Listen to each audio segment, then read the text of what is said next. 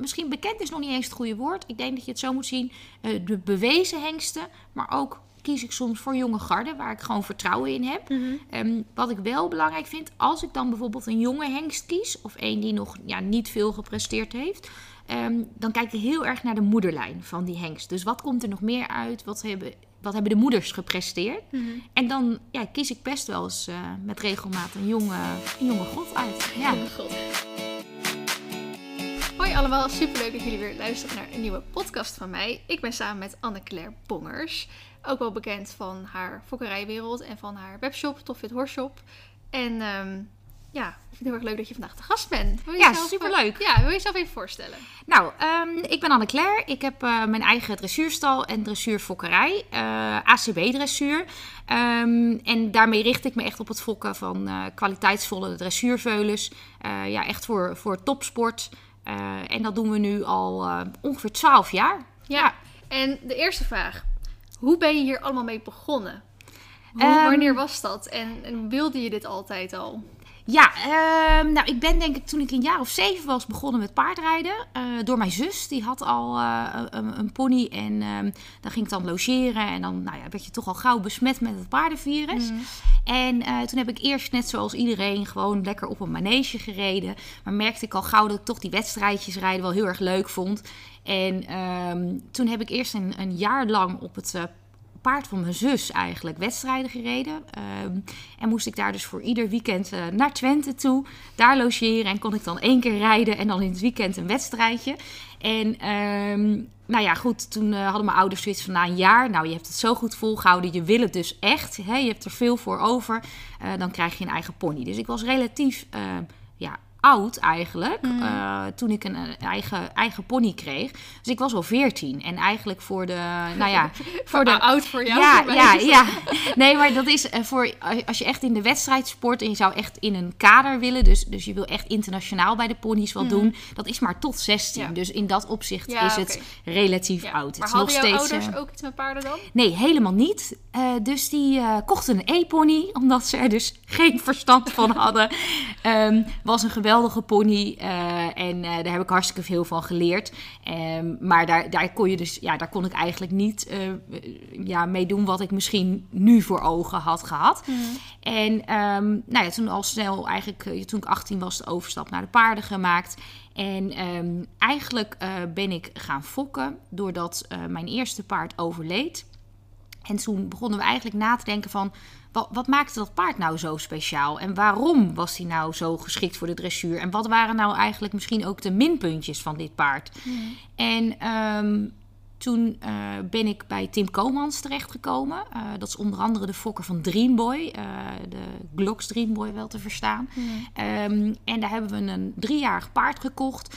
die eigenlijk ja, qua bouw en qua gangen alles mee had. Alleen ja, hij moest dus wel nog helemaal opgeleid worden. En eigenlijk vanaf dat punt ben ik echt gaan kijken van wat is nou een goed dressuurpaard en waarom vinden we hem nou zo goed? Oké. Ja. Hoe oud was je toen?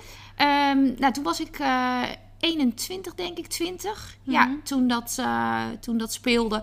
En toen eh, hebben we eigenlijk, ehm, ja, kort daarna heb ik een, een fokmerrie gekocht. Ehm, en die was al ster. Eh, en we hadden wel online, had ik samen met een vriendin, hadden we wel dingen uitgezocht. van nou, hè, we- is dat ook wat om eventueel dan een veulentje mee eh, te fokken. En ehm, datzelfde bloed zat ook achter mijn eerste paard. Dus dat was eigenlijk de reden. Oké. Ik dacht van nou, dit kan nog wel eens Ja. wat, wat zijn. En toen ging ik kijken. En eh, dat paard zag er eigenlijk ja, oneerbiedig een beetje uit als een welspony.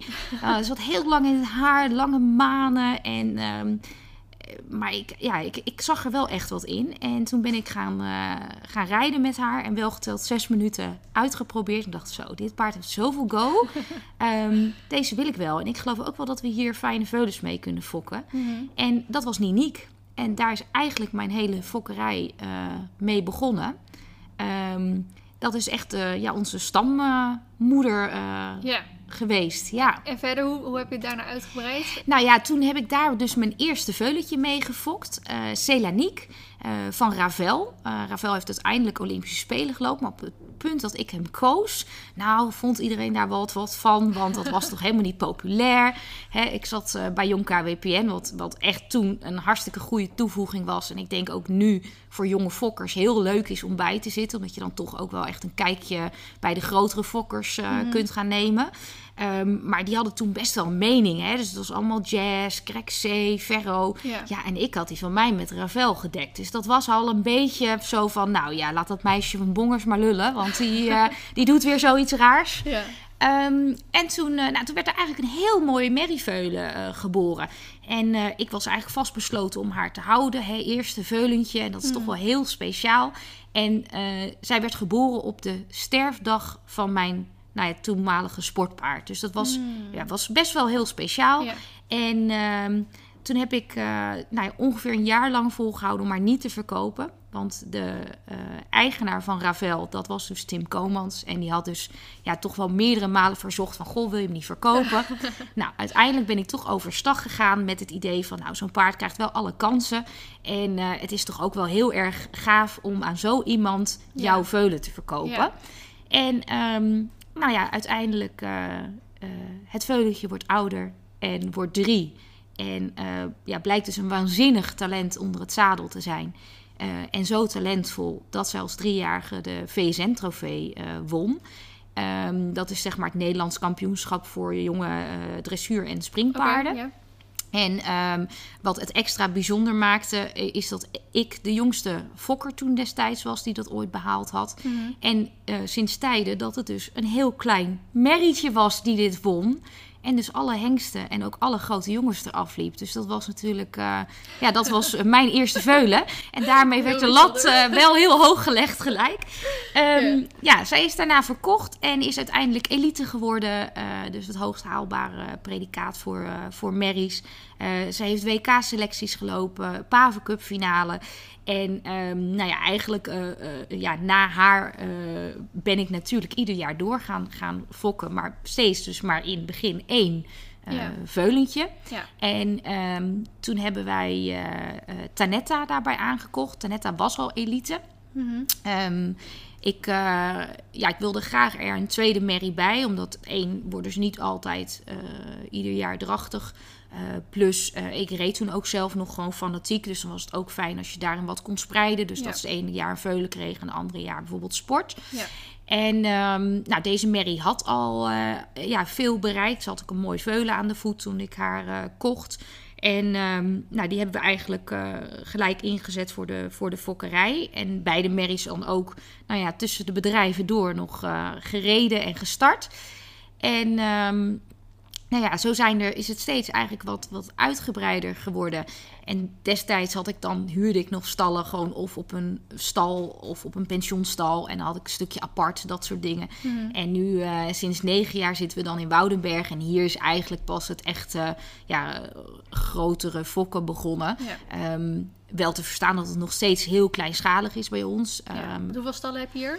Um, nou, ik heb ongeveer rond de 25 paarden altijd staan. Mm. Uh, maar dat is dan inclusief uh, opfok. Dus er zijn ook wel jonge paarden die dan bij elkaar ja. uh, staan. Ja. Um, en ik heb zelf, we hebben vijf merries waar we veulens mee, mee fokken. Mm -hmm. En um, nou ja, dat is, dat is zo in de loop der jaren is dat steeds meer uitgebreid. En je merkt ook dat je, je hebt ook echt wel ja, best wel veel jaar nodig om ja, wat te bereiken in de fokkerij. Want ja. voordat jouw eerste veulen dus drie jaar is, ben je dus ja. vier jaar verder. Hè? Ja, dus ja, uh, ja je, je, je bedenkt welke hengst op jouw merrie zou passen. Um, dan moet je vervolgens elf maanden wachten tot het veulen er is. En dan vervolgens ben je nog minimaal drie jaar aan het wachten voordat je er iets mee kan gaan doen. Dus, um, dus fokken is wel echt een meerjarenplan. Meerjarenplan. Ja. ja, precies. Ja. En jij zegt dus je hebt 25 paarden staan. Vijf ja. zijn dus volkmerries. Je hebt uh, een hengst. Ja. Wat ja. pension. Ja, heel weinig, heel ja. Nee, ik heb, uh, we hebben inderdaad uh, uit onze fokkerij, uit onder andere de Stanetta, uh, hebben we een uh, goedgekeurde dekhengst gefokt, mm. Hero. Nou, dat, dat was natuurlijk echt super speciaal. Ehm, Hero die heeft, eh, ja, die betekent voor ons heel veel. Die heeft eh, onder andere Pavo Cup finale gelopen op Jumping Amsterdam Ja, toen hij vier jaar oud ja. was. Eh, hij heeft Subli Cup finale gelopen. Hij, hij was destijds ook de enige hengst die dus alle competities de finale wist te halen. Hmm. Samen met Total US. Ja, weet je. Dus dat is gewoon Bizar. super gaaf. Ehm, en dat is natuurlijk extra speciaal dat je hem dan zelf hebt gefokt en ja, zelf zadelmak gemaakt. We hebben hem gewoon, eh, ehm, ja, hij is hier geboren en dat maakt het wel eh, extra speciaal. Ja. Ehm, dus we hebben Hero dan eh, ja, op stal en ik heb nou ja, die vijf merries dan. We hebben nu twaalf jonge paarden in de, in de opfok staan. Dus dat ja. is ook gelijk dan een heel groot gedeelte van de paarden. Zijn die Ehm, allemaal van jezelf of heb je ook van andere mensen? Nee, we hebben ook van andere mensen. En ehm, met name ook eh, als klanten bij ons een veulentje kopen, dan eh, geven wij ze altijd de mogelijkheid om het veulen bij ons in de opfok te laten. Omdat Ja. ehm, een goed veulen kopen is één, Ja. maar eigenlijk die jaren daarna zijn super belangrijk. En wij hebben gewoon gezien dat, eh, dat ook daar de, best wel wat dingetjes mis kunnen gaan.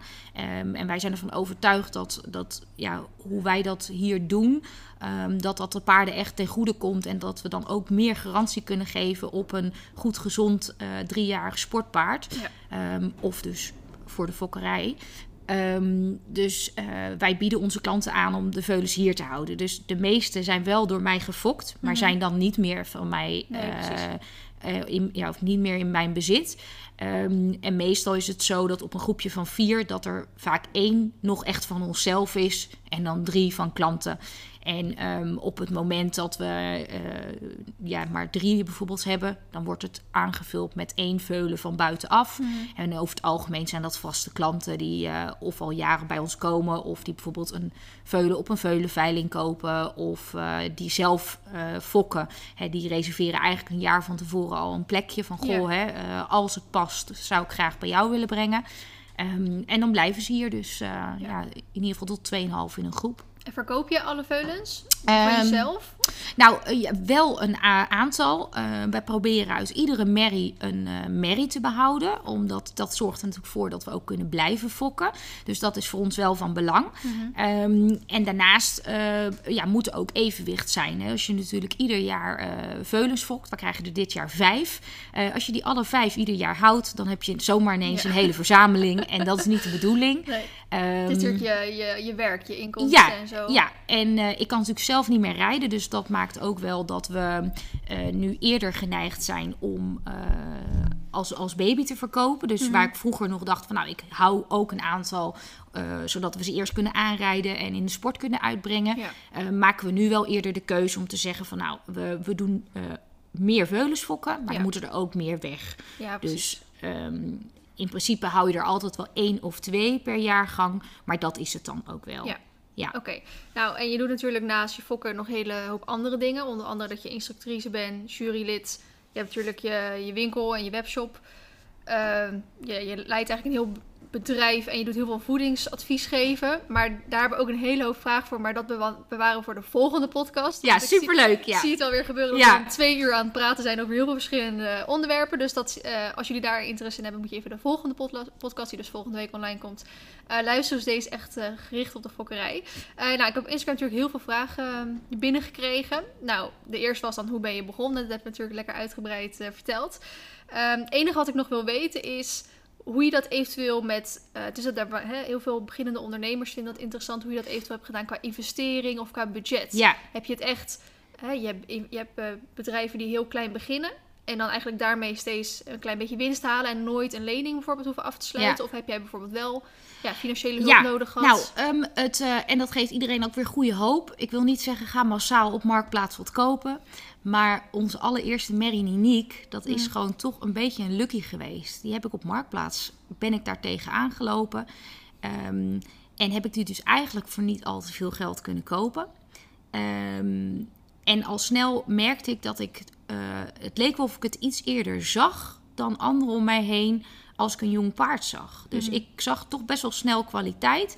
Ehm, dus wat heb ik op een gegeven moment gedaan? Ik heb bijvoorbeeld een jaarling gekocht en eh, heb mijn vader zover gekregen om de helft te investeren. Mhm. Ehm, en na een jaar eh, ja, verkochten we zijn helft voor uh, het driedubbele. en dan kon je dat stukje weer gebruiken voor het volgende. Ja, precies. En zo proberen we dat hier eigenlijk ook te doen. Um, dus ja, er wordt verkocht. Het is, het is onderdeel van ons bedrijf. Mm -hmm. maar eigenlijk door middel van ja, alle stukjes bij elkaar probeer je uh, steeds een stap te groeien. Mm -hmm. zowel financieel, maar ook uh, qua kwaliteit. Hè? Ja. Dus ik kan nu ook uh, meer kwaliteitsvolle veulens op de wereld zetten. Ik hoef niet meer op één te gaan. Daarmee is ook het risico wat meer gespreid. Want mm -hmm. ook wij hebben wel eens pech met fokkerij dat dat gebeurt. Ja. Um, dus ik zou ook wel altijd adviseren om als je veulens gaat fokken, um, je moet echt hele kwaliteitsvolle merries hebben.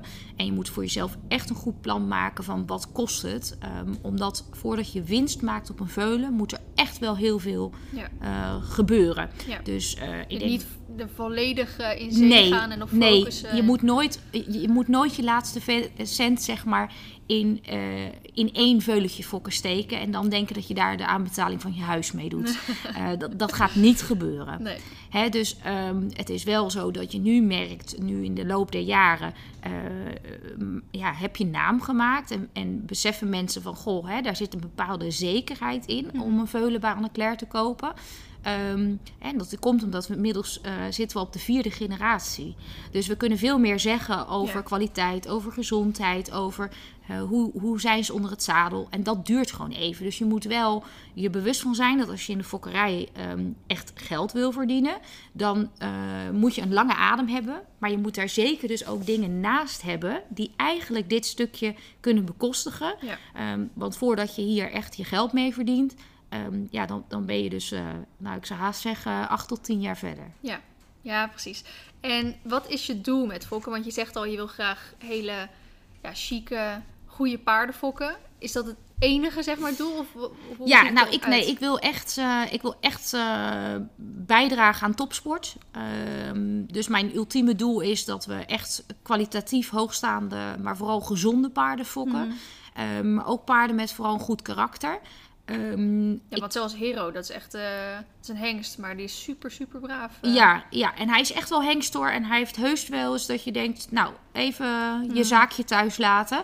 maar zodra hij onder het zadel is, is hij super gefocust. En ook inderdaad van de week even longeren. Uh, dat doen we gewoon met alle merries en veulens om hem heen. Mm -hmm. um, en dat, ik, ik vind dat wel ontzettend belangrijk. En ik heb wel het gevoel, we zijn daar nu sinds een jaar...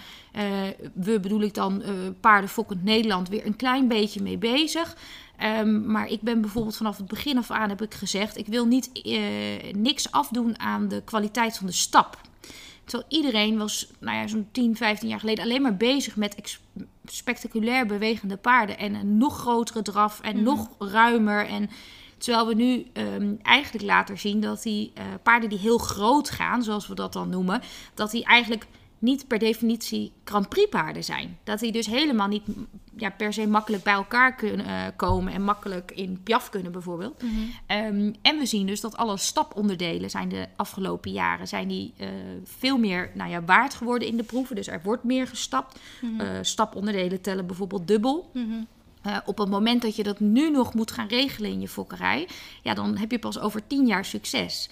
En dat zijn wel de dingen waar ik ja, tien jaar geleden al op gehamerd heb voor mezelf. Waardoor ik misschien soms wat afwijkende keuzes heb gemaakt. Maar daardoor wel um, ja, misschien nu al aan het langste eind trek, zeg maar. Ja, precies. Dus het, het doel is echt wel om goede sportpaarden. Maar ook functionele sportpaarden. Die echt gewoon tot het hoogste niveau mee kunnen. Maar ook qua karakter. Die, ja, Ja. dat is echt wel heel erg Maar belangrijk. het is best wel interessant dat je eigenlijk naar zoiets specifieks zoals, eh, zoals de stap, zeg maar, Ja. daar naar kijkt. Want Ja. normaal gesproken kijkt iemand meer naar... Tenminste, ik heb eh, het vak fokkerij gehad op mijn opleiding. Nou, dat was natuurlijk maar een heel klein stukje.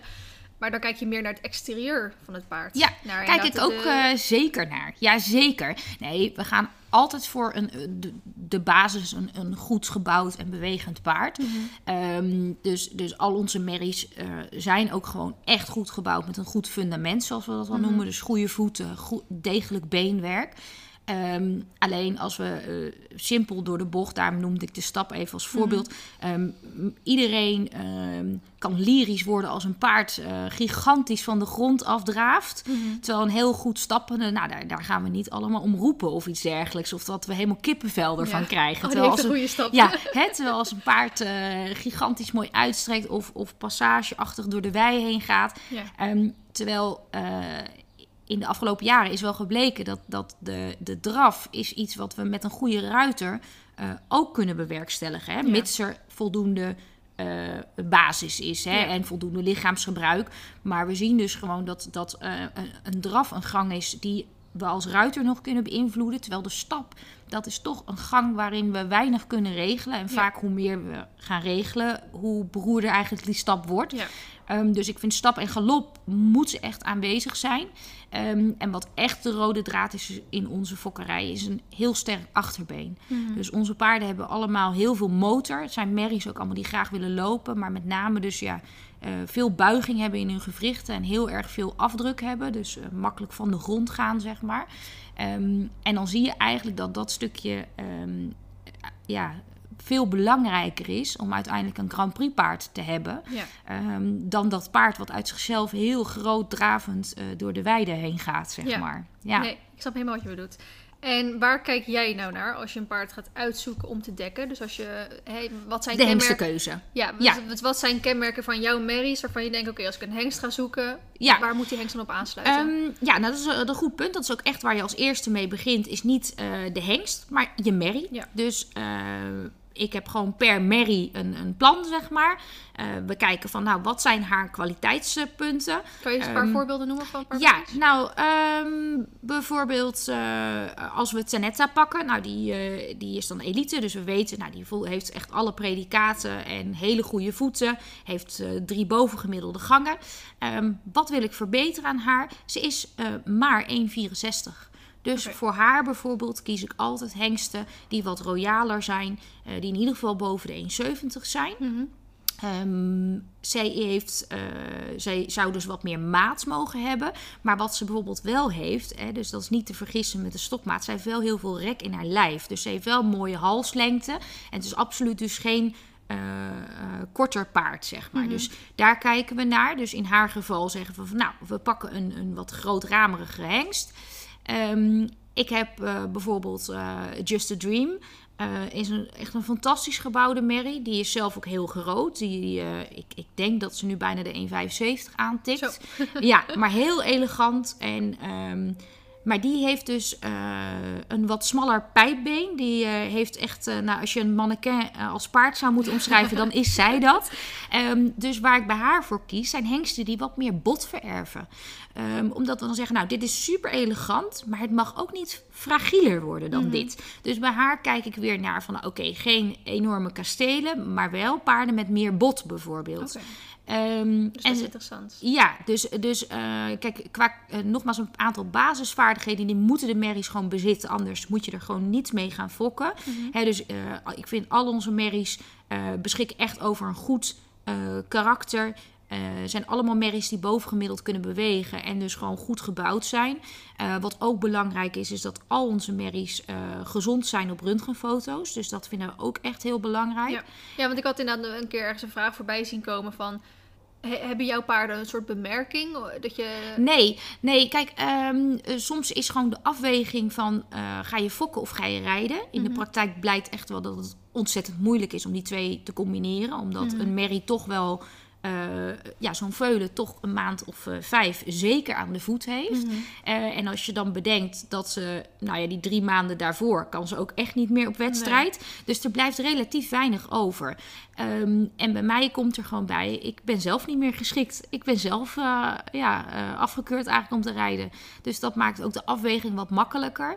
Ehm, nu is het wel zo dat ik echt wel veel waarde hecht aan sport. Dus eh, ik eh, probeer ook om onze jonge merries wel eerst gewoon zadelmak te laten maken. En dan eh, toch wat wedstrijdervaring op te laten doen. Ehm, maar ik denk als ik zelf nog had kunnen rijden, had ik waarschijnlijk iets minder gefokt of had ik het anders ingedeeld. Ja, precies. Ehm, kijk, het is wel zo, zoals mijn sportpaard bijvoorbeeld. Nou, die heeft een keer een ongelukje gehad eh, op stal. En toen ik haar kocht was al wel gelijk het idee van... mijn volgende sportpaard moet en zal wel een merrie zijn uit een zeer goede stam. Mhm. Mocht er ooit wat gebeuren, kan ik in ieder geval met haar fokken. Ja. En, ehm, en nou ja, dat, dat, dat werpt dan nu ook wel echt zijn vruchten af. Ehm, dat, is, dat is dan Bolivia, daar heb ik dan zelf ZZ Licht mee gereden. Ehm, die merrie is eh, ster, sport, brok, ibop. Eigenlijk alle predicaten die we graag zouden willen. Eh, maar is ook een merrie die zelf in de sport echt goed heeft gepresteerd. Dus eh, bijna alle klasses eh, kring- en regiokampioen. En we, ja, we zien wel dat dat ook steeds belangrijker wordt in de fokkerij. Dat we toch ook graag zien dat de moeders of, of moederlijnen veel sport bevatten. Ja. Ehm, bij Bolivia let ik er bijvoorbeeld op ook dat stukje maat en ook een stukje botvorming. Eh, zij is een Crexé Malgibaldi. En zij is zelf ook maar 1,65. En eh, ze heeft ook wat fijner beenwerk. Dus ik kijk vooral ook naar hengsten die inderdaad wat, wat bot, eh, wat, wat degelijkheid eigenlijk toevoegen. Ehm, is een merrie die super spectaculair kan bewegen. Dus daar hoef ik, eh, ja, ik ga geen slecht bewegende paarden erop zetten. Maar dat zijn niet per se haar verbeterpunten. Mhm. Ehm, maar bij haar, eh, zij is een Crexé. En Crexé, eh, die, die willen nog wel eens wat wekere ruggen geven. Mhm. Dus bij haar let ik er vooral op dat ik een hengst kies waar een hele eh, degelijke, stevige rug op zit. Ja. Ehm, dus dat zijn dan echt wel per merrie kijken we van nou, wat, wat past het beste bij Ja. jou? Ehm, en dan kan het ook nog zo zijn dat je gaandeweg in die jaren bijvoorbeeld merkt... hé, hey, verrek, die merrie vererft eh, zo en zo. En helemaal niet hoe ik het van tevoren misschien had bedacht. Mhm. Ehm, eigenlijk wijkt het nooit heel erg af van wat je in gedacht hebt. Maar het kan soms wel eens ehm, net iets anders gaan dan dat je, dan dat je had eh, bedacht. Ehm voorbeeld is, eh is Danique. Die is zelf maar 1,67. Ehm, maar die blijkt dus heel erg groot te fokken. Dus die... er geen hele grote hengsten per se nee. te zetten. Nee, die, die, ehm, ja, die, die, die, eh, en dat is iets wat je natuurlijk niet na de eerste gelijk weet. Nee. Eh, de eerste is per definitie, of nou per definitie, over het algemeen is de eerste veulen wat een merrie krijgt, is het kleinst. Dat Ja. doet de natuur super slim. die maken er niet al te zwaar van, dus Ja. die, meestal is de eerste het kleinst. Ehm, maar gaandeweg merken we nu van, hé, hey, verrek, daar komen allemaal 1,70 plus paarden uit. Mhm. En ehm, het, het grappige is dat dus ook Hero heel groot blijkt te fokken. Hero is dus maar 1,68. Mhm. En we zien dus dat bijvoorbeeld de combinatie van Hero met Danique... dat dat dus hele grote paarden oplevert. Ehm, terwijl je zou zeggen 1,67 keer 1,68. Nou, dat zal dan toch ongeveer hetzelfde moeten blijven. Ehm, dus dan zien we toch dat ook het stukje... eh, ja, kritisch echt alles onder een vergrootglas leggen heel belangrijk is. Hè, en dat Alles je soms... monitoren. En, eh, Ja, ja, en dus niet je blind staren op alleen één element. Dus niet alleen de beweging, maar ook dus de karakters, eh, gezondheid, de bouw. Ehm, omdat je kunt nooit eh, verwachten dat een hengst ehm, een echte grote error gaat verbeteren. Mhm. Hè, en dat hoor ik nog wel eens in mijn omgeving. Dat mensen bijvoorbeeld zeggen, nou, mijn Mary heeft zo'n rot karakter. Ik ga er maar mee fokken, want ik kan er toch niet mee rijden. Ja. Ehm, ja, dat is dus niet verstandig. Nee. Ehm, Mary, ehm, om je een idee te geven, Mary geeft ongeveer 60% en de hengst maar 40%. Oké. Tuurlijk is het zo dat sommige hengsten net even wat meer hun stempel drukken. Maar vergis je dus niet wat jouw Mary betekent in Ja. de nakomeling. Ja. En dat is gewoon groot. Ja. Nou, ik, eh, ik weet het dan met Arena, hè. Ja, Dat is natuurlijk van mijn stal-eigenaresse. En die heeft een volle zus ook op stal staan, Benfica. En de moeder daarvan, Casiré heet zij volgens mij. Nou, die is een aantal jaar geleden overleden. Ik weet niet of ik haar heb meegemaakt. Maar die zei, Arena laat zich dus nooit vangen in de wei, hè. Dat is gewoon een karakterdingetje. Ja. Maakt echt geen hol uit wie het is. Eh, die laat zich gewoon niet vangen. En Benfica heeft dus precies hetzelfde. Maar die Casiré had dat dus, zeg maar, ook, Ook, al. ja. Dus ja, die moeder Ja. had dat dus al. En die brengt Ja. dus dat gedeelte soort van, van het karakter dan. ja. ja het kunnen wel, ehm, dat is wel een leuk punt. Het, het kunnen wel twee dingen zijn. Eén is een stukje karakter, dus het, het koppige of het, het moeilijk bewerkbare. Mhm. Dat is echt iets wat, wat ja, gewoon genetisch vast is gelegd. Mhm. Ehm, maar het andere stukje is inprentingsfase. Ja. En dat is iets waar wij ontzettend veel aandacht aan besteden hier.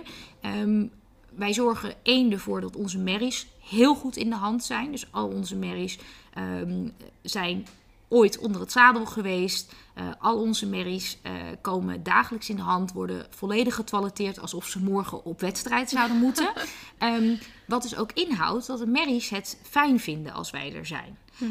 Dat brengen ze over op hun veulen. Dus onze baby's die worden, eh, krijgen na één dag al een halster om, leren meelopen, leren voetjes optillen, borstelen. Ik knip de oren op een gegeven moment uit, of het nou wel of niet moet. Het gaat erom dat ze leren van dit hoort er allemaal bij. Ik ben op de wereld gekomen als paard en dit, dit hoort nou eenmaal zo. en ehm, die eerste zes weken, dat is de imprintingsfase, die kun je dus nooit meer overdoen. Nee. En ik denk dus ook dat daar een heel stukje gaat ook daar soms eh, mis. Hè, dat we zien de merries met veulens, ach, gooi maar op de wijs, lekker Ja, voor ze. samen. Ja. en, eh, Geloof me, een veulen van 4, 5 weken oud, die krijg je al gewoon niet meer normaal een halster om. Die zijn echt al heel sterk. Dus eh, wij doen dat gewoon, ja, eigenlijk als ze nog heel jong zijn, ehm, leren we dat dagelijks om dat gewoon in alle rust op en af te doen. En dan zie je ook dat er helemaal geen stress is. Ja. En dat ze dat ook helemaal niet spannend vinden. Dus het is deels ehm, eh, karakter wat is vastgelegd in de ouders. Mhm. En anderzijds ook een stuk opvoeding en echt investeren in de veulens op jonge leeftijd. Ja, en wil je nog wat vertellen over al die ster, elite, elite? Ja. Want daar snap ik dus helemaal niks van. Ik Nee. met, een- met een hoop mensen met mij samen. Wanneer begint iets? Wanneer wordt een paard Ja. iets? Welke volgorde? Ja, nou, het, het- het- niet alle volgordes staan helemaal vast. Ehm, wat grappig is, eh, we hebben eh, sinds nu een aantal jaar hebben we een, een predicaat. Wat je direct als veulentje kunt aanvragen. Eh, dat heet het DOC-predicaat. Overigens, we praten nu wel over predicaten voor het KWPN-stamboek. Ja, Laten we dat even, want anders wordt het heel ingewikkeld. Ehm, dat DOC, dat is een eh, predicaat wat eh, op basis van eh, genetica wordt bepaald. Ehm, het DNA van het veulen wordt bekeken of het ehm, erfelijk belast is tot het mogelijk overdragen van OCD's. OCD's zijn losse botfragmenten. Ja. Is dat erfelijk bepaald? ja, niet alle onderdelen. Dus sommige onderdelen is wetenschappelijk nog niet van bewezen dat het overdraaglijk is. Eh, maar van andere onderdelen weten we dus zeker dat als het op die plekken zich een botfragment eh, bevindt, dat dat eh, erfelijk is. Oké. Ja. Ehm, nou, in het verleden kon daar dus ook wat eh, ja, soms mee gesjoemeld worden door het weg te halen, door ehm, nou ja, foto's net uit wat andere hoeken te schieten. Ehm, en dat, dat is nu met dit DOC-predicaat eh, of de manier van toetsen is het ja, niet mogelijk. Je kunt er niks aan doen. Er wordt haar getrokken van je veulen en dan kun je dat aanvragen. Ehm, het is wel zo dat het nu nog niet eh, super betrouwbaar is als zijnde. eh, dit is natuurlijk een database die moet worden opgezet. Dus Ja. ik verwacht dat we hier over tien jaar het eerste profijt van gaan hebben. Ehm, maar je moet ergens beginnen. Dus ik vind het supergoed dat een stamboek hiermee bezig is. Want eh, we zorgen op die manier ervoor dat we een eh, gezonder paard gaan fokken. Ehm, dat DOC-predicaat dat heb je uiteindelijk nodig om alle uiteindelijke predicaten te halen. Dus een goedgekeurde Dus je dekhengst. moet die DOC Ja, hebben? Oké. Een goedgekeurde dekhengst moet per definitie, eh, voordat hij goedgekeurd kan worden, moet hij al beschikken over het DOC-predicaat. Ehm, Dat kan je ten alle tijde aanvragen of dat moet als veulen zijn? ja, nee, je kunt het altijd aanvragen. Ehm, het is wel zo dat het stamboek het stimuleert om het als veulentje al eh, te doen. Mhm. Eh, omdat als veulen bij registratie worden er al haren getrokken. Dus dan is het een kleine moeite om Oh, het ja. dan te doen. Ehm, en eh, nou ja, dan komen eigenlijk pas de echte spannende dingen waar we ons eh, nou ja, ook enigszins voor moeten inspannen. Ehm, en dat zijn de, de, dan gaan we naar de keuringen toe. Mhm. Ehm, En hoe oud zijn ze dan? Eh, in principe vanaf drie jaar kan dat, Mhm. maar ze kunnen ook gewoon ouder zijn. Maar je, maar je, je hebt ook veulenkeuringen, toch? Ja, Of klopt. staat dat er los ja, van? maar dat staat er inderdaad los van. Ehm veulenkeuring is echt een momentopname. Dus bij de veulenkeuring eh, ga je in je eigen regio eh, in principe naar de keuring toe. Je mag ook in een andere regio, maar dan kun je geen kampioen worden. Ehm, een veulenkeuring is eigenlijk eh, een, een echte momentopname. Jouw veulen wordt daar gewaardeerd met bijvoorbeeld... eh, wij gaan in principe voor een eerste premie. Dat is het hoogst haalbare bij de veulens. Ehm, en natuurlijk het allermooiste is als ze een kampioenslint mee naar huis mogen nemen. Maar het is geen prestatie die eeuwig aan het paard vaststaat. Het is meer En, uh, Voor de ja, leuk, of- eh, ja, en een stukje eer. Kijk, op het moment dat een merrie natuurlijk eh, ieder jaar een veulenkampioen geeft, dan zegt dat wel wat. Eh, maar het is niet zo dat ze dan later zeggen, nou, omdat jij als baby eh, zo prachtig was, doen we er gelijk wat bovenop. Eh, in principe is het geen eh, blijvende prestatie waar dus zo'n predicaat aan komt te hangen. Mhm. Ehm, dus vanaf drie jaar kun je eigenlijk alle andere predicaten gaan, eh, eh, ja, gaan opstrijken, hoop je. Daar fok je voor. Ehm, de eerste die je eigenlijk eh, kunt halen eh, is ster. Daarvoor ga je naar een stamboekkeuring. Ehm, of eh, het kan middels een IBOP. IBOP is ook een losstaand predicaat. Mhm. Daar kom ik zo even op terug. Ehm, ster wil zeggen, het paard is gebouwd voor minimaal een 7 en kan bewegen voor minimaal een 7,5 gemiddeld. Mhm. Eh, dan spreken we over een eh stermerrie. Dus dan zeggen we, nou, die kan bovengemiddeld stappen, draven en galopperen. ehm, en heeft een bovengemiddeld, eh, ja, bovengemiddeld exterieur. Mhm. Ehm, op het moment dat je dan een stermerrie hebt en je denkt, nou, ik wil eigenlijk nog wel wat meer, dan kun je naar de centrale keuring gaan. Nou, op de centrale keuring komen dus dan de stermerries bij elkaar. Eh, centrale keuringen zijn eigenlijk regio-keuringen. Mhm. Ehm, en de stermerries die dan ja, nog net even een slagje beter zijn, die dus niet precies voor die 7 en 7,5 gaan, maar die echt 8, eh 9 scoren, eh, die kunnen daar voorlopig keur worden verklaard. Ehm, het woord zegt het al, voorlopig keur. Eh, dat zijn dus merries die nog wat exclusiever gebouwd zijn en die nog net wat beter kunnen bewegen. Eh, maar wat zeggen we dan?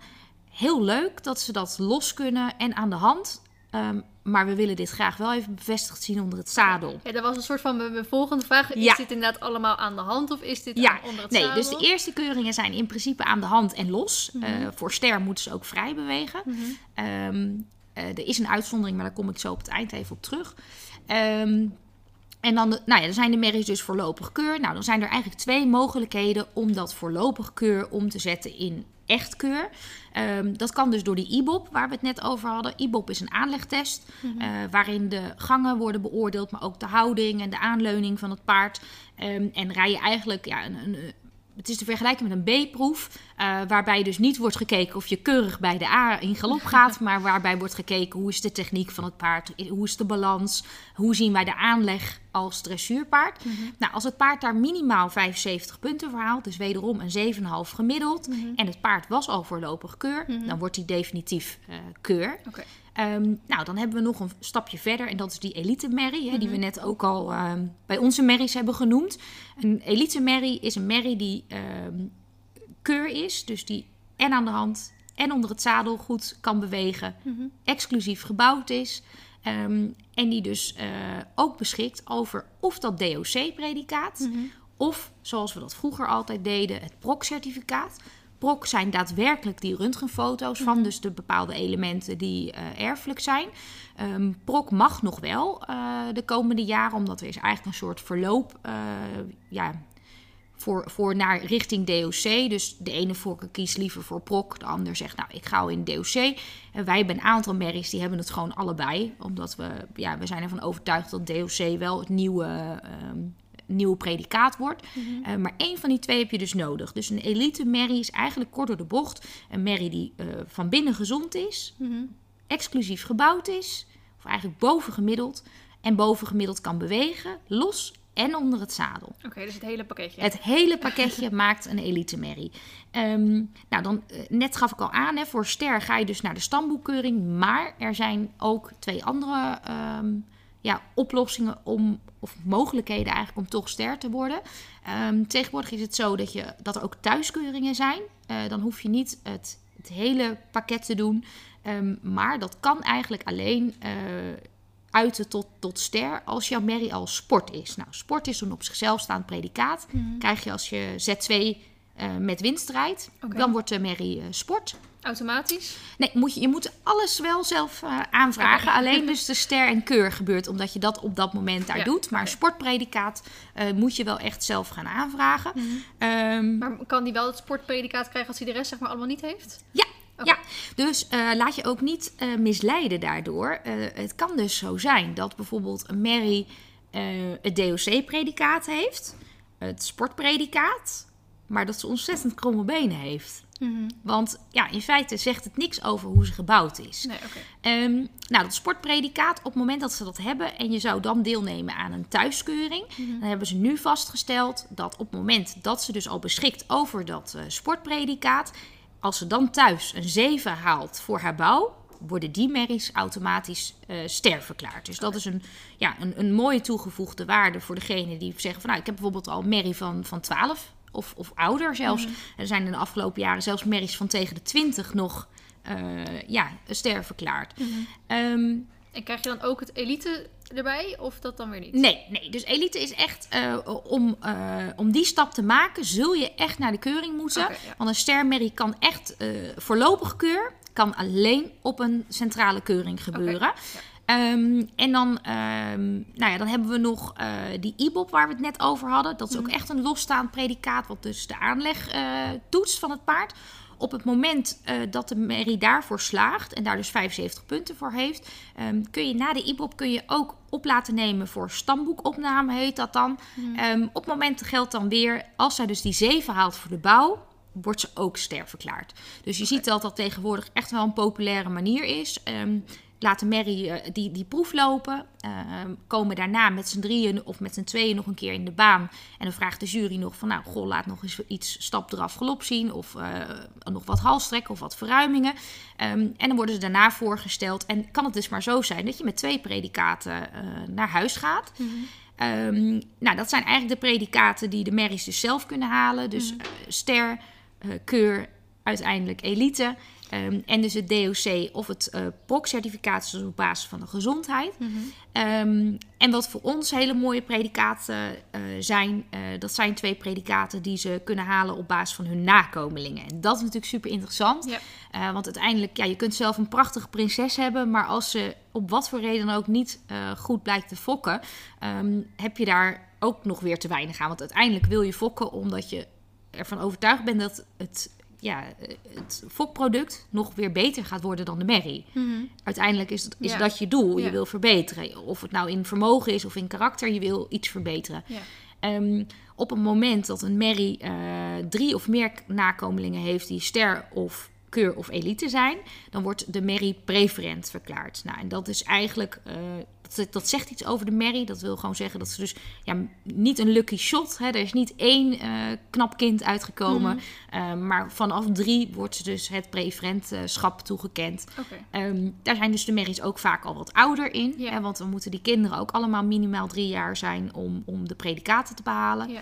Dus eigenlijk is preferent nog hoger dan elite. Ja, nou, voor mij wel. Ja, het, is, eh, Ja, als- het zegt gewoon ja. meer. Ja. Ja. het zegt gewoon nog net even wat meer. En, ehm, en dan heb je nog een predicaat als prestatie. Dat is ook een, een predicaat die ze behalen op hun nakomelingen. Mhm. Ehm, dat houdt in dat drie of meer zet of hoger lopen. Ook dat zegt natuurlijk wat. Want dat zegt wat over de bewerkbaarheid van die paarden. Het zegt wat over het vermogen. Ehm, dus eigenlijk eh, zijn dat toch wel de predicaten die je heel graag eh, wil op ja, fokdieren, zeg Ja. maar. Op, op fokmerries. Ehm, omdat het zegt gewoon wat over hun verervingskwaliteit. Ja. Ja. Zo. Dus ik hoop dat je er wat van, van hebt onthouden. Ja, ja. En anders kan iedereen naluisteren natuurlijk. Nou, het is Maar, wel eh, ingewikkeld, maar ik ja. denk wel dat je het wel eh, duidelijk... Ik, ik snap het wel, zeg maar, nu. Ik eh, Ja. be- begrijp het. Ja, helemaal goed. Helemaal goed. Oké, eh, volgende vraag is... eh, wat is de meest geschikte leeftijd om te beginnen met eh, veulen te fokken voor het eerst? En ook eventueel, wat is de laatste leeftijd? Hè? Hoe- Ja. Ja, ehm, nou, dat is best een interessante vraag. Want ehm, dus er kunnen allerlei redenen zijn. Wat we over het algemeen wel zien is dat hoe eh, jonger ze zijn... en dan praat ik van over minimaal drie jaar oud. Dus dan zijn ze vier als ze hun eerste veulen krijgen. Ehm, ligt wel echt gewoon ook een beetje aan de merrie. Maar als je ooit voor ogen hebt om te fokken... je kunt niet pas beginnen als ze al 16 zijn. Dan Nee, is de nee. kans echt minder groot dat het lukt. Ja. Dus wat wij vaak zien, en zeker ook bij, bij andere fokkers, is dat ze bijvoorbeeld als driejarige geïnsemineerd worden, krijgen één veulen, gaan daarna de sport in. Of bijvoorbeeld twee veulens en daarna de sport in. Zoals ze dan later eh, ouder zijn, hebben ze al veulens gehad en Ja. worden ze per definitie makkelijker dragend. Ehm, dus, dus dat is zeker aan te raden dat als je zegt van goh, ik wil nog een veulentje fokken, eh, dat alles na 12, 13, 14 jaar wordt het wel moeilijker. Ik wil niet zeggen dat het niet kan, want al mijn merries hebben ook die leeftijd. En die, maar die hebben dus al vanaf jongs af aan een keer een veulen gehad. Dus dat is zeker te adviseren. Ehm, en ja, de oudste leeftijd, ja, ligt echt aan de merrie. Ehm, ik vind het heel belangrijk dat je de, gezondheid van je merrie moet altijd voorop staan. Hè, dus je wil graag een veulen, maar zonder goed eh, functionerende moeder gaat het niet. Ehm, dus bij ons, de, de, de gezondheid van de merrie staat echt voorop. Dus ik denk dat je met gezonde voeding en veel beweging en een goede huisvesting, ehm, dat je meer kans van slagen hebt om langer door te kunnen gaan.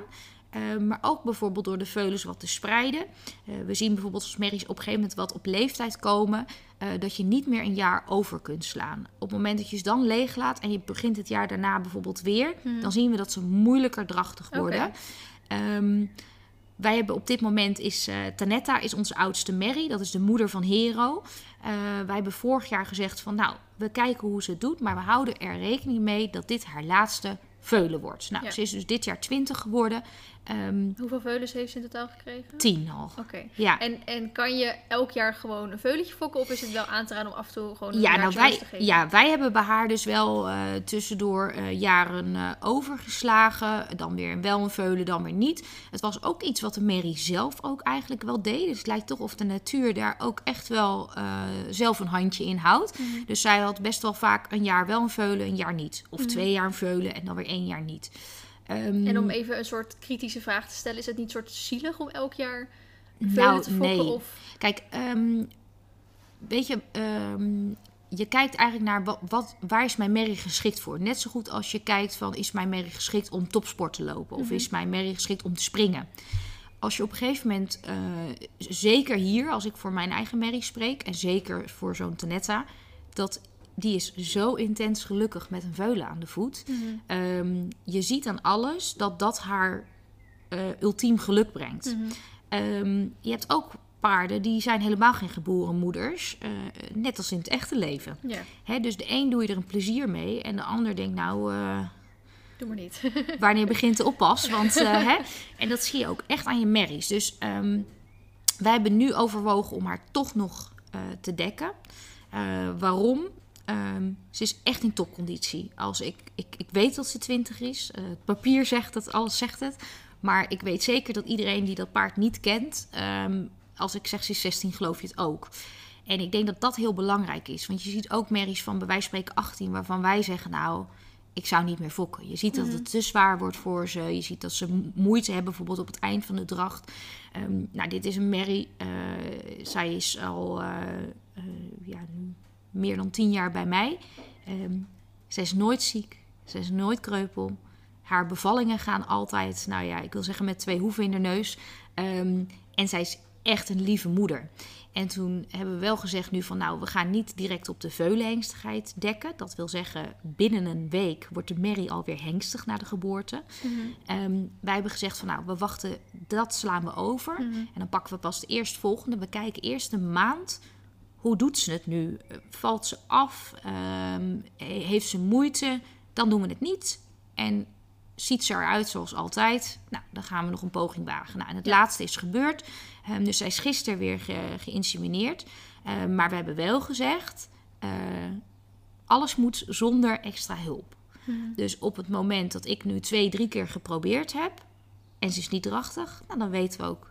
het is genoeg geweest. Ja, maar dat is wel eerlijk, ja. Ja, Um, want wat, wat is dan de afweging? Dat we zeggen, nou, wat, uh, wat nu als ze 30 wordt en ze moet 10 jaar zonder veulen? Terwijl ze dat eigenlijk het liefst heeft. Mm -hmm. um, dus, dus dat is een beetje de afweging denk, die je moet maken van uh, in hoeverre draagt het bij aan een uh, geluk zonder dat het welzijn in het gedrang komt. Mm -hmm. He, dus, en dat is bij deze Mary, is een veulen krijgen is voor haar heel fijn. Het is voor ons prettig, ze geeft hele goede paarden. Um, en verder uh, uh, hoeft zij niet te werken. Dus uh, al onze merries komen bijvoorbeeld wel dagelijks in de stapmolen. Wij vinden het wel echt belangrijk dat die merries in conditie zijn. Ja. We zien ook dat dat echt ja. bijdraagt aan de gezondheid en dat ze makkelijker bevallen. Um, onze merries hebben bijvoorbeeld in de winter gewoon een deken op, zitten strak in hun haar, krijgen echt hoogwaardige voeding. Wij, wij, voeren ook eigenlijk het hele jaar door voeren wij van Cavlor Probreed, dus echt merrievoeding. Um, Dus die merries die zijn wel echt in topconditie. En ik denk dat dat altijd de vraag moet zijn. Dus het kan ook maar goed zijn dat een merrie van 12 bijvoorbeeld niet meer geschikt is om mee te dekken. Ja. Dus denk aan hele grote beenblessures of, of moeilijke hoeven. Ehm, dan kun je je voorstellen, op het eind worden ze zo zwaar dat je dan misschien zegt: ja, dit, dit, dit wil je eigenlijk niet meer. Hè, Als zo'n merrie bijvoorbeeld niet goed meer kan opstaan, of, of je merkt eh, dat, ze, eh, ja, dat ze het echt zwaar hebben. Kijk, en dat ze het op het eind hebben, heeft, hebben ze het allemaal natuurlijk even zwaar. hè. Een zwangere vrouw heeft het Mhm. Ja. ook wat zwaarder.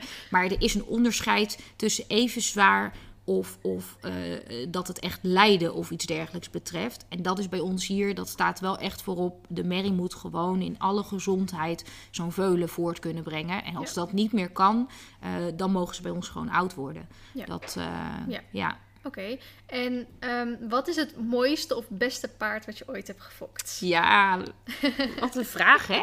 Ja, ik zal je Als je eer- kan kiezen. Ja, Of hoe- hoeveel veuletjes heb je überhaupt gefokt in je leven? En volgens mij is dit jaar de dertigste geboren. Ik wou zeggen, is het Ja. bij te houden? Of, eh? Ja. ja, maar ik moet er wel altijd even over nadenken. Ik weet ze allemaal en ik weet van de meeste ook echt gewoon de geboortedatum. Ehm, ja, dat is toch een soort moederachtig iets Ja. of zo. Ehm, nou, er zijn wel een aantal, ehm, ja, ik denk voor mij bijzondere eh, paarden. Dus ik, zal, ik, zal, ik probeer het kort te houden, maar ik kan geen één favoriet kiezen. Eh, maar er zijn een aantal paarden waarvan ik denk dat ze om wat voor reden dan ook... eh, dat we daar nog heel veel van gaan horen. En dat dat paarden zijn ehm, die ook andere mensen zullen ontroeren. Ehm, nou, de allereerste veuletje, dat blijft natuurlijk absoluut de... Ja, daar is alles mee begonnen en daardoor ben ik enthousiast geworden. Dus dat is Celaniek. Ehm, en nou ja, voor mij eh, is, is Hero natuurlijk heel bijzonder. Die is hier geboren. Dat is nu ook nog het enige paard waar ik ook echt zelf mee eh, gereden heb. Ehm, en ehm, nou ja, dan eigenlijk uit, uit, eh, uit de fokkerij van Hero. Want dat is natuurlijk het meest bijzondere. We fokken ook met Hero. Eh, dat zijn toch wel zijn veulens. Ehm, en dan heb ik eigenlijk wel ja, twee favorieten. En dat is Niniek. Die heb ik dus naar mijn stammoeder kunnen vernoemen. Dat is zijn eerste veulen. Ehm, nou, ik zou zeggen, kijk op mijn Instagram. Dan zie je daar video's van. Ja. Eh, ja, die kan zo fantastisch bewegen. Eh, die staat elke dag aan. Super lief, maar ook heel groot. En dat is echt een heel bijzonder paard. Ik denk dat we daar echt heel veel van gaan horen. Ehm, en ja, uit de dochter van Danique, daar heb ik twee hele speciale paarden uit. Ook van, van Hero. En dat zijn Next One en Oh My Dream.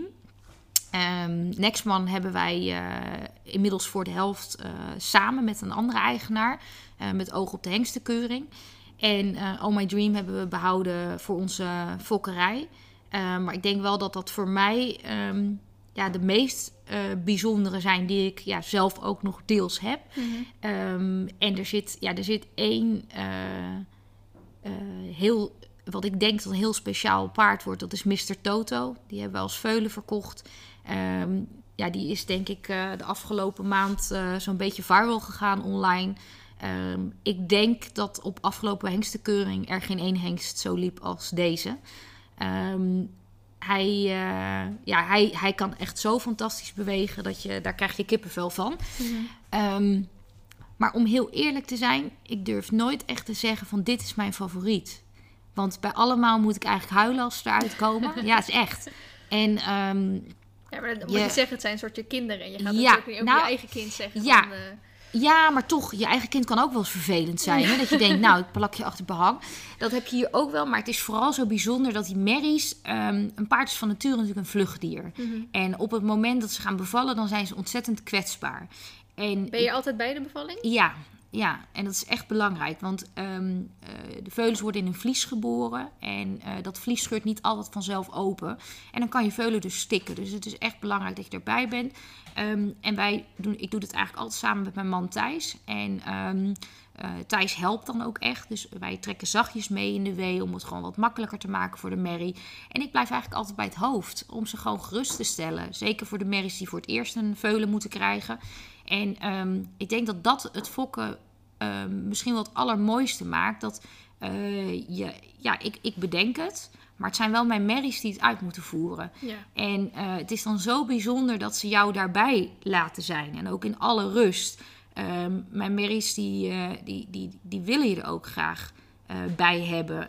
En je merkt het ook aan de veulens, dat ze ons... We mogen alles doen met de veulens. Hè, dus die komen op schoot, die, die komen bij ons. En, en mensen zeggen dat op een gegeven moment ook. eh, is het iets wat nu in de jaren opvalt? Mensen zeggen, ja, bij jou zijn ze altijd zo mak. Ja. Maar dat, dat, dat is iets, die worden met liefde eh, gemaakt en geboren. En daarna met liefde opgevoed. En ik denk dat dat ja, toch wel het allermooiste is van zelf fokken. Je kent ze gewoon helemaal eh, van achter naar voren. Mhm.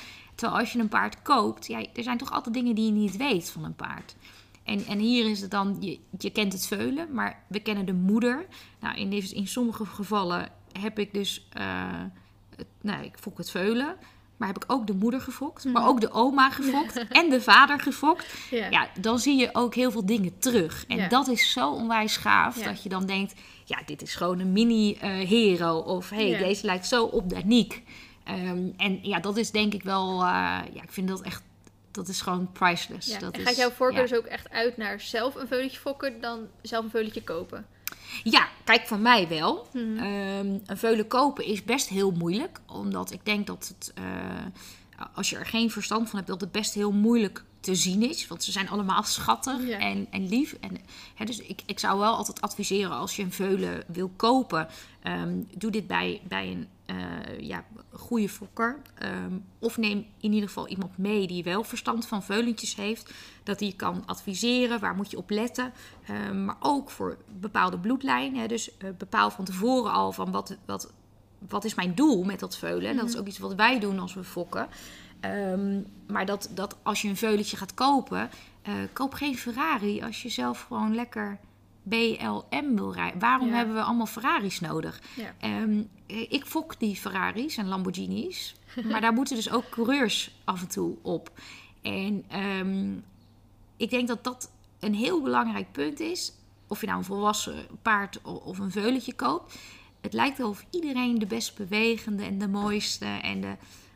Terwijl, ja, laten we eerlijk zijn, we gaan niet allemaal Grand Prix rijden. Nee, we nee, gaan niet precies. allemaal naar de Olympische Spelen. Dus probeer dat ook echt goed te bekijken van hoe zijn de karakters? Past dat wel bij mij? Ja. Eh, is dit een paard waar ik ook buitenritten mee kan maken? En natuurlijk, een veulen kopen is best een gok. Als in, je moet nog drie jaar wachten. Mhm. Ehm, maar ja, zo- zoals als we dan hier kijken, van, dan heb je best wel veel zekerheid. Als in de moeders die dus over predicaten beschikken. Ehm, het stuk dat wij hier de opvolg doen, want dat is echt ontzettend belangrijk. Hè? Dus, dus goede voeding en beweging. Ehm, dan kun je met een gerust hart best zeggen, nou, ik ga een veulen kopen. Het grote voordeel is dat je van A tot Z weet wat er in zijn jeugd met hem gebeurd is of Mhm. haar. Ehm, eh, en dat je misschien voor, voor eh, minder geld een heel kwalitatief vol eh, paard hebt kunnen kopen. Ehm, maar besef heel goed dat de, de kosten in drie jaar tijd, ja, die zijn er natuurlijk wel degelijk. Ja. En dan ben je nog nergens, want dan moet hij nog zadelmak gemaakt worden. eh moeten er misschien nog röntgenfoto's gemaakt Mhm. worden. Dus ehm, hou dat altijd goed voor ogen als je een veulen gaat kopen. Van wat is je doel ermee? Want, want dat is een, een vraag die hè, verderop eigenlijk kwam, maar we kunnen hem nu ook wel stellen. Ja. Als het, het veulen is geboren, en Ja. dan? En dan, ja, nou, Kosten, ja. inentingen, wormenkuren. Ja, nou kijk, ik ehm, eh, ben er altijd heel stellig in dat ehm, bij mij, als het veulen eruit komt, zit ik al op 5000 euro. En dan komt het dekgeld er nog bij. Dat, dat zet ik er los van. Mhm. Hè, maar die merrie moeten eten en noem het maar. Ehm, bij mij kost opfok 195 euro per maand. Dan krijgen ze onbeperkt hoge kwaliteit ruwvoer. Krijgen ze twee keer per dag krijgen ze kaffeloor eh, krachtvoer. Ehm, en dat is inclusief een aantal supplementen die wij standaard geven. Dus dat heb ik in de ja, prijs al meegerekend. Mhm. Ehm, nou, naar de hoefsmid kost 35 euro. Nou, ze gaan ongeveer vijf keer per jaar gaan ze hier naar de hoefsmid toe. Tenminste, de hoefsmid komt hier. Mhm. Ehm, ze worden bij mij twee keer per jaar geënt. Dat heeft te maken met de influenza-uitbraak van, Mhm. eh, van vorig jaar. Eh, is ons dat geadviseerd. En het is ook zo dat het internationaal is het altijd verplicht. En als ze als baby die enting, eh, eigenlijk is dat dus die derde enting, niet eh, binnen die zes maanden hebben gehad, moeten alle basisentingen opnieuw. Oh ja. en het gros van de paarden wat hier wordt geboren of die hier naartoe komt, die hebben ook een dergelijke carrière voor de boeg. Mhm. Dus het was bij ons, we deden dat al het eerste jaar. Ehm, dus nu doen we dat standaard. Nou ja, ehm, je hebt dan een enting en visitekosten. Nou, ontwormen ligt eraan hoe vaak eh, dat ze positief zijn op, eh, op wormen. Wij zijn daar heel eh, strak in. Dus we doen en mestonderzoek en ze worden op adviesbasis ontwormd. Omdat jonge paarden hebben gewoon wormen. Dus daar zul je echt bovenop moeten zitten. Omdat ze in groepsverband zijn. Mhm. En paarden tot drie jaar zijn ook gewoon echt vatbaarder voor wormen. Ehm, het is wel zo dat je je kosten wel wat kunt ehm, beperken door voor een goede opfok te kiezen. Dus op het moment dat je ergens gaat kijken, adviseer ik ook altijd: kijk goed naar de omheiningen. Want als ze bijvoorbeeld nog draad gebruiken, ja, dan is de kans ook groter dat je een draadwond hebt. En dat er dus een keer eh, hechten en dergelijke en blijvende schade bijvoorbeeld Ja. aan jouw jonge paard zit. Ehm, wij hebben bijvoorbeeld geen sloot om ons terrein heen. Dus de kans dat ze bij mij in de sloot vallen, dat is dus niet aanwezig. Ja. Ehm, wij hebben kleine groepen, dus de risico's zijn daardoor wat minder dat er eh, ja, ja, oneenigheid is. Wij plaatsen de groepen ook echt tegelijkertijd bij elkaar. Dus eh, als bij ons de baby's worden afgespeend, dan komen ze allemaal tegelijk bij elkaar. Dus iedereen is gelijkwaardig aan elkaar. Mhm. Dus waar je risico's mee kunt beperken en daarmee dus ook echt kosten, is door te kijken naar een opvolk waar niet iedere maand een nieuwe aan het groepje wordt toegevoegd. Want de kans dat er dan bijvoorbeeld gevochten wordt of eh, ja, het is een kuddedier, hè? Dus er is rangorde, ehm, wordt daarmee beperkt. Ehm, maar ja, 195 per maand. Nou, als ze naar een hengstenkeuring gaan, dan gaan ze in het jaar dat ze twee worden bij ons nog ja, enkele maanden het land op en dan halen we ze uit elkaar. Ja. Ehm, de merries die blijven vaak nog een halfjaartje langer eh, bij elkaar. Maar dat moet je dus wel eh, eh, rekenen. Dus ja, weet je, als je kritisch bent met, met ja, 5000 euro, ben je er niet, Nee. zeg maar, voor 2,5 jaar. Dus eh, dat moet je goed realiseren. Maar het houdt ook in dat eh degene die bij ons een halve ton of een ton opleveren, die hebben ook, Gaan de veulens voor zoveel weg soms? eh, nou niet een veulen, maar wel jonge paarden, ja. Jeetje. Ja. ja, dat is wel de bedoeling. Ja. Ja. En het is heus niet altijd zo, maar het is wel het, het, het streven. Hè, dus een, een hele goede paarden, ehm, daar, is, daar is ook altijd markt voor. Dus net als hele goede veulens. Mensen zijn nu best wel wat angstig van, goh, kan ik mijn veulen nog wel kwijt? Mhm. Ehm, de eerste bij ons is inmiddels eh, verkocht. Ehm, al op twee weken oud, dus dat is best, best heel jong. Mhm. Maar dat was ook omdat het, ja, het is echt iets heel bijzonders. Ja. En, en dat is wel altijd mijn streven. Je moet niet fokken voor de massa. Dus je moet iets fokken, iets aparts. En iets, iets neerzetten waar je ook achter staat Ja. als, als fokker. Ja, ik had dus inderdaad de vraag met... Ja, er zijn al zoveel paarden en zoveel veulens. Waarom dan nog fokken? Ja, Maar- omdat eh, we nog steeds eh, geen goud halen op de Olympische Spelen. maar mondjesmaat een keer. Ehm, ja, dus nou, waarom nog steeds fokken? Ja, nogmaals, ja, ik ben best wel een beetje een streber. Dus ik wil heel graag verbeteren. En ik ben heel perfectionistisch. Dus ik denk altijd, nou, dat kan nog wat mooier of wat beter. Ehm, en als je dan heel simpel eh, kijkt, ehm, da- dan zijn er gewoon andere landen die ons toch best wel vaak eh, ja, beter af zijn, zeg maar. die van ons winnen. En, Ja, ehm, maar ook wat je zegt inderdaad, jij, jij fokt ook niet voor, voor de, de doelgroep waar er al zoveel van zijn. Jij Precies, juist, juist. voor de voor, die- hogere- voor dat, dat Ja. topje van de ijsberg. En Ja. dat wil niet zeggen dat ehm, mijn paarden niet fijn zijn voor amateurs. Want dat is dus helemaal niet zo. Ehm, als ik bijvoorbeeld heel simpel kijk naar, naar Bolivia, waar we het er straks over hadden. Dat is dus een Kreksee maal Gibaldi. Dus dat is op en top dressuurbloed. Dus Mhm. Grand Prix keer Grand Prix. Maar wat blijkt nu? Daar komen dus hele sympathieke, meegaande paarden uit. Die dus ook geschikt zijn voor een amateur. Maar misschien wel die amateur die de ambitie heeft om wel zo hoog mogelijk te komen. Mhm. Maar die qua karakter wel gewoon heel normaal en vriendelijk zijn. Ja. Ehm, maar om terug te komen op dat punt, ja, waarom fok je nog? Je, je doet dat omdat je eh, iets wil bijdragen. En in mijn geval is dat aan, aan topsport. Ehm, daar komt ook bij dat eh, we helaas in Nederland eh, te weinig investeren in jonge paarden. Dus wat we zien, we fokken ze wel, maar ze blijven hier niet. Mhm. Dus die Gaan hele goede eh. paarden gaan naar het buitenland toe, waar er wel geïnvesteerd wordt. Ehm, dus hoe mooi zou het zijn als ik toch eh, kan fokken eh, voor. ja, en dat we zo'n paard kunnen behouden. Of voor de Nederlandse fokkerij of voor de Nederlandse sport. En ja, ik, ik hoop dat ik ooit een paard kan fokken wat op de Olympische Spelen loopt. Eh, en op het WK dressuur voor jonge paarden, zeg maar. Dat is wel de ultieme droom. Maar dat is wel waarom ik denk dat je altijd blijft fokken. Kijk, en vergis je niet, wij, wij krijgen nu vijf veulens. Maar het is nog steeds dus op hele kleine schaal. Dus ik wil, ik zou er geen tien willen fokken waar met minder kwaliteit, zeg Ja, maar. dus wat je fokt moet ook wel, vind ik, Ja. iets bijdragen. Oké. Ja, En gaat jouw voorkeur uit naar natuurlijk, dekking of inseminatie? Is helemaal geen voorkeur. nee, natuurlijk eh, bestaat niet. Ik ga je uitleggen waarom. Eén, ja, veiligheid. Hè? Dus ehm, eh, op het moment dat een hengst natuurlijk op zo'n merrie moet springen... en die merrie eh, wil wel of niet, nou geloof me, raken klappen. Ja? Ehm, daar ik heb wel eens een filmpje gezien inderdaad van een, Ja, eh, van een, een hengst die erop wilde. En die, die Mary bokt één keer naar achter en hengst was gewoon eh, dood. dood. Juist. Ja. Nou, dat is dan een extreem geval. In principe, als de merrie eh, zover is, zal zij natuurlijk ook graag gedekt willen worden. Mhm. Maar er is een heel ander belangrijk punt: ehm, hygiëne en kosten. Ehm, ik heb dus zelf zo'n dekhengst.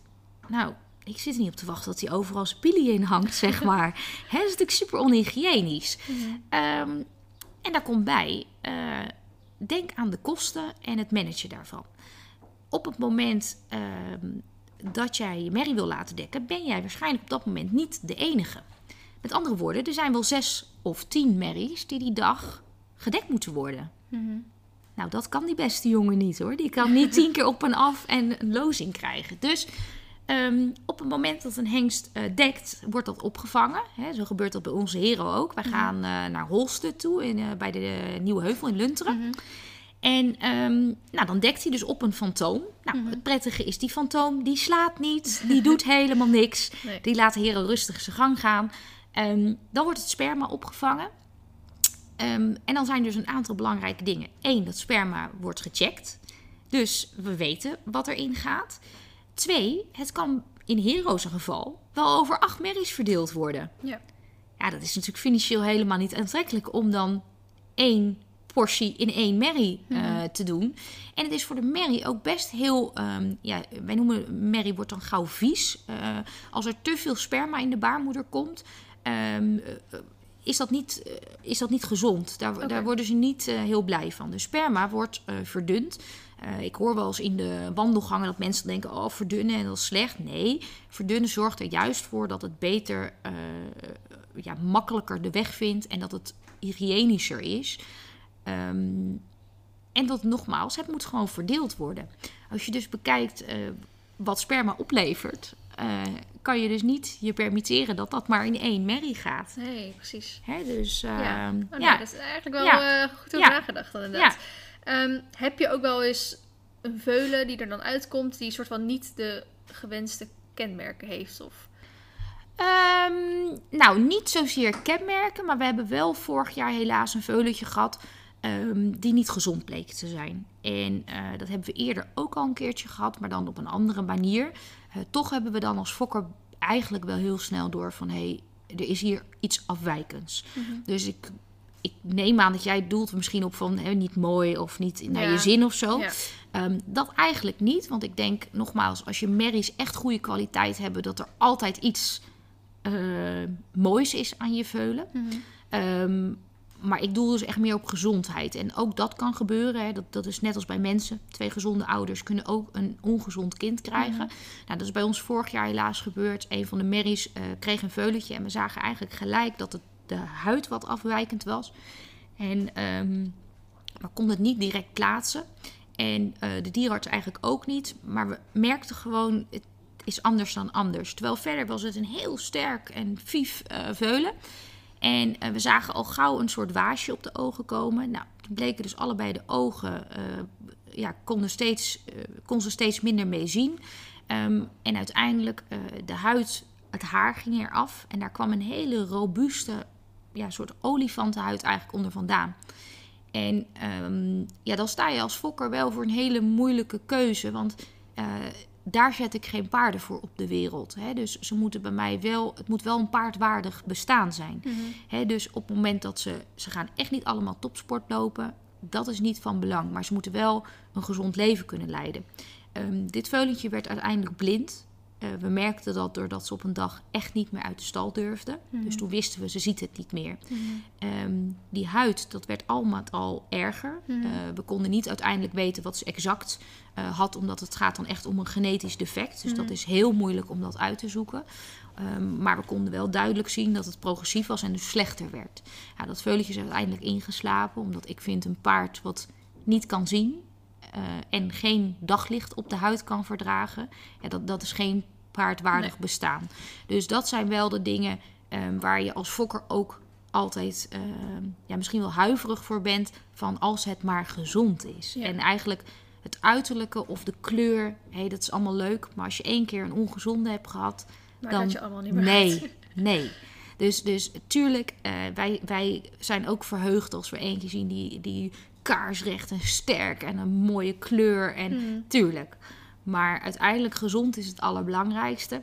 Ehm, en ik moet eerlijk zeggen, eh, echte lelijkers, ja, die fokken we gewoon niet meer. Nee, nee, alle merries hebben echt een mooi gezichtje. En dat is ook ja, echt dat iets... is altijd als ik bij jou op Ja. stal ben. Als ze zo'n lief, leuk, mooi, knap gezichtje. Zo'n fijn Ja. gezichtje inderdaad. Ik wil ook echt, eh, en dat is ook echt wel iets denk ik, wat in de fokkerij zit bij ons, is dus aansprekende gezichten met mooie ogen. En dat Ja. is dus ook echt wel iets waar we op eh, fokken.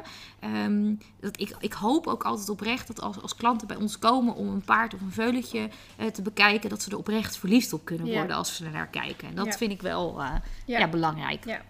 Ehm, zou je eerder kiezen voor een bekende hengst of een onbekende? Nee, je hebt in je begin, Ja. het beginverhaal wel eens eh, verteld dat je eigenlijk voor een onbekende hengst toen ging. Ja, nou ja, Ja, ja, nou ja, ja ik eh, ben gewoon eigenwijs. Dus eh, ja, de een is wat bekender dan de ander. Ehm, kijk, ik kies wel hengsten die eh, goedgekeurd zijn. Dus ik zal niet zomaar met iets eh, van de buurman of zo eh, dekken. Dat, dat zou ik ook zeker niet adviseren om dat te doen. Maar ik ben wel iemand die niet binnen de grenzen blijft. Hè. Dus ik kijk Mhm. ook rustig naar het buitenland of ik Maar daar... is ook goed voor het bloed, toch? Dat het Ja, niet eh, te ja. veel Ja, incest, eh, inteelt. Ja, ja. Kijk, dat is ehm, eh, met name ook wat, waarom nu het veulentje wat nu verkocht is, wat dat zo speciaal maakte. Ehm, wat ik al eerder al aangaf, die Mary, dat is een Crexé Malgibaldi. Nou, op het moment dat je dan hier naar Nederlandse hengsten kijkt, dan zie je dat dat bloed bijna overal wel in Ja. vertegenwoordigd is. Ehm, dus dan kom je al gauw op een buitenlandse hengst uit. Ehm, nou, in haar geval heb ik eh, nog iets specialers gedaan. Ik heb gekozen voor eh Tors Lettens Sylvester, moeilijk woord. Ehm, een Deense hengst, maar een schimmel. Want die hebben we dus bijna niet meer. Mhm. Dus in dat opzicht, eh, ja, die hengst was toen vier toen ik hem uitkoos. Ehm, en dus een schimmel. Ja, en niet per se iets waar al superveel mee gedekt werd.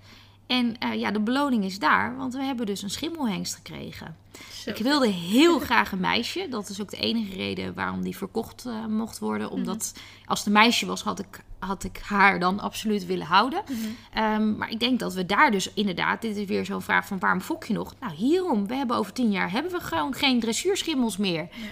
Dus ehm, daar probeer Springen ik... je heel veel. ja, maar in eh, dressuur gewoon niet. nee. En dan moet je dus op een gegeven moment zeggen... nou ja, dan moet je weer een keer met een springhengst dekken om, voor de kleur. Ja. Maar dan ga je weer allerlei andere dingen toevoegen die je niet wil.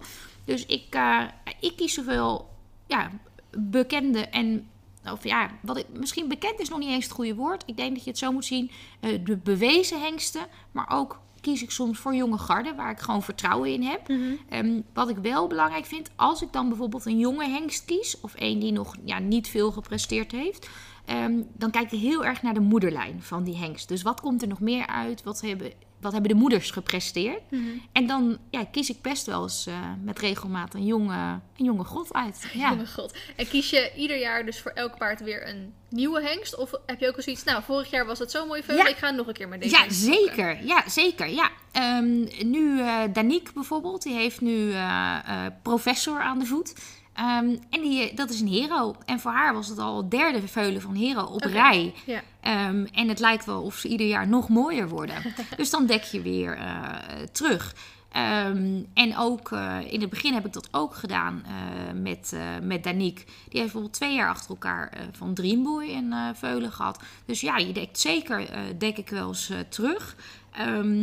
Ik had nu ook graag met die schimmel nog een keer teruggedekt. Mhm. Maar helaas is die niet meer eh, vers beschikbaar. Oh, dus nog meer lucky dat we nu ja, Ja. er dus echt een schimmelveulen van hebben. Ehm, dus, dus soms wil je wel, maar kan het niet. Soms worden hengsten bijvoorbeeld ook eh, buiten het dekseizoen gehouden. Omdat ze dan in de sport wat moeten doen. Mhm. Ehm, nu is er bijvoorbeeld een aantal hengsten... die zou eigenlijk dit seizoen niet beschikbaar zijn vanwege de Olympische Spelen. Mhm. Nou, nu zijn die weer wel beschikbaar. Dus daar maak, je soms, maak ik ook wel eens mijn keuze op. Dat ik denk, nou, deze is er nu nog. Maar ik voorzie dat die straks Grand Prix gaat lopen. En misschien niet meer beschikbaar is. Dan zal ik eerder schakelen, zeg maar. Ja, precies. En wat zijn jouw top drie van hengsten? Waarvan je denkt, nou, dat is echt- All-time favorites. all-time favorite. All-time favorites. Ehm, nou, in ieder geval Szechuan. Dat, heb er nog nooit van gehoord. Szechuan. Drievoudig wereldkampioen. En ik heb er Er- nog nooit van gehoord. Ja, dus shame on you. Nee, ga maar opzoeken. Eh, dat is echt een... eh, ja, dat vind ik wel echt een eh, grootheid. Ehm, de Nero. Ook, ook zo'n god. En... ehm, god. Ja, ja, ja, ja. En ja, dan heb ik er toch misschien wel een aantal... Maar heb je ook bij die gefokt? Of is het gewoon meer Nou, de? Nero heb ik eh, ja, helaas eh 2,5 keer geprobeerd. Oh. En geen veulen van. Maar zit wel vertegenwoordigd in heel veel eh, stammen achter de hengsten. Dus dat is gewoon een, een hengst die heel veel invloed heeft gehad. En dat geldt voor Szechuan ook. Ehm, dus de, de schimmel nu. de vader van Sylvester is Szechuan. Oké. Dus nou, dat is dan wel een hengst. En ehm, eh, ja, dan heel eerlijk, natuurlijk onze eigen hero. Dat is toch wel mijn top drie. Kijk, ehm, soms moet je ook gewoon kijken naar de verhouding. En dan denk ik, ja, we hebben er nu vijf veulens van. Alle vijf zijn boven gemiddeld. En dat maakt het wel heel speciaal. Dus het moet allemaal nog gebeuren. Maar voor nu denk ik, nou, dat kan toch wel eens heel vet zijn. Ja. Ehm, ja, en nogmaals, weet je, er zijn heel veel hengsten. Ik denk voor onze Nederlandse fokkerij, eh, en nu heb ik twee eh, eh, Duitse grootheden eigenlijk, of Duits-Deens en ook een stukje Nederlands ehm, genoemd. Ehm, want daar is een heel groot gedeelte Nederlands van. Ehm, zijn bijvoorbeeld Necro, weet je, dat is vind ik toch ook wel echt een hengst die heel veel heeft bijgedragen. En eigenlijk ook, we, horen hem soms niet al te graag, maar is wel jazz in Nederland. Mhm. Dus mensen hebben altijd zoiets, oh, een jazz en dan eh, spannend.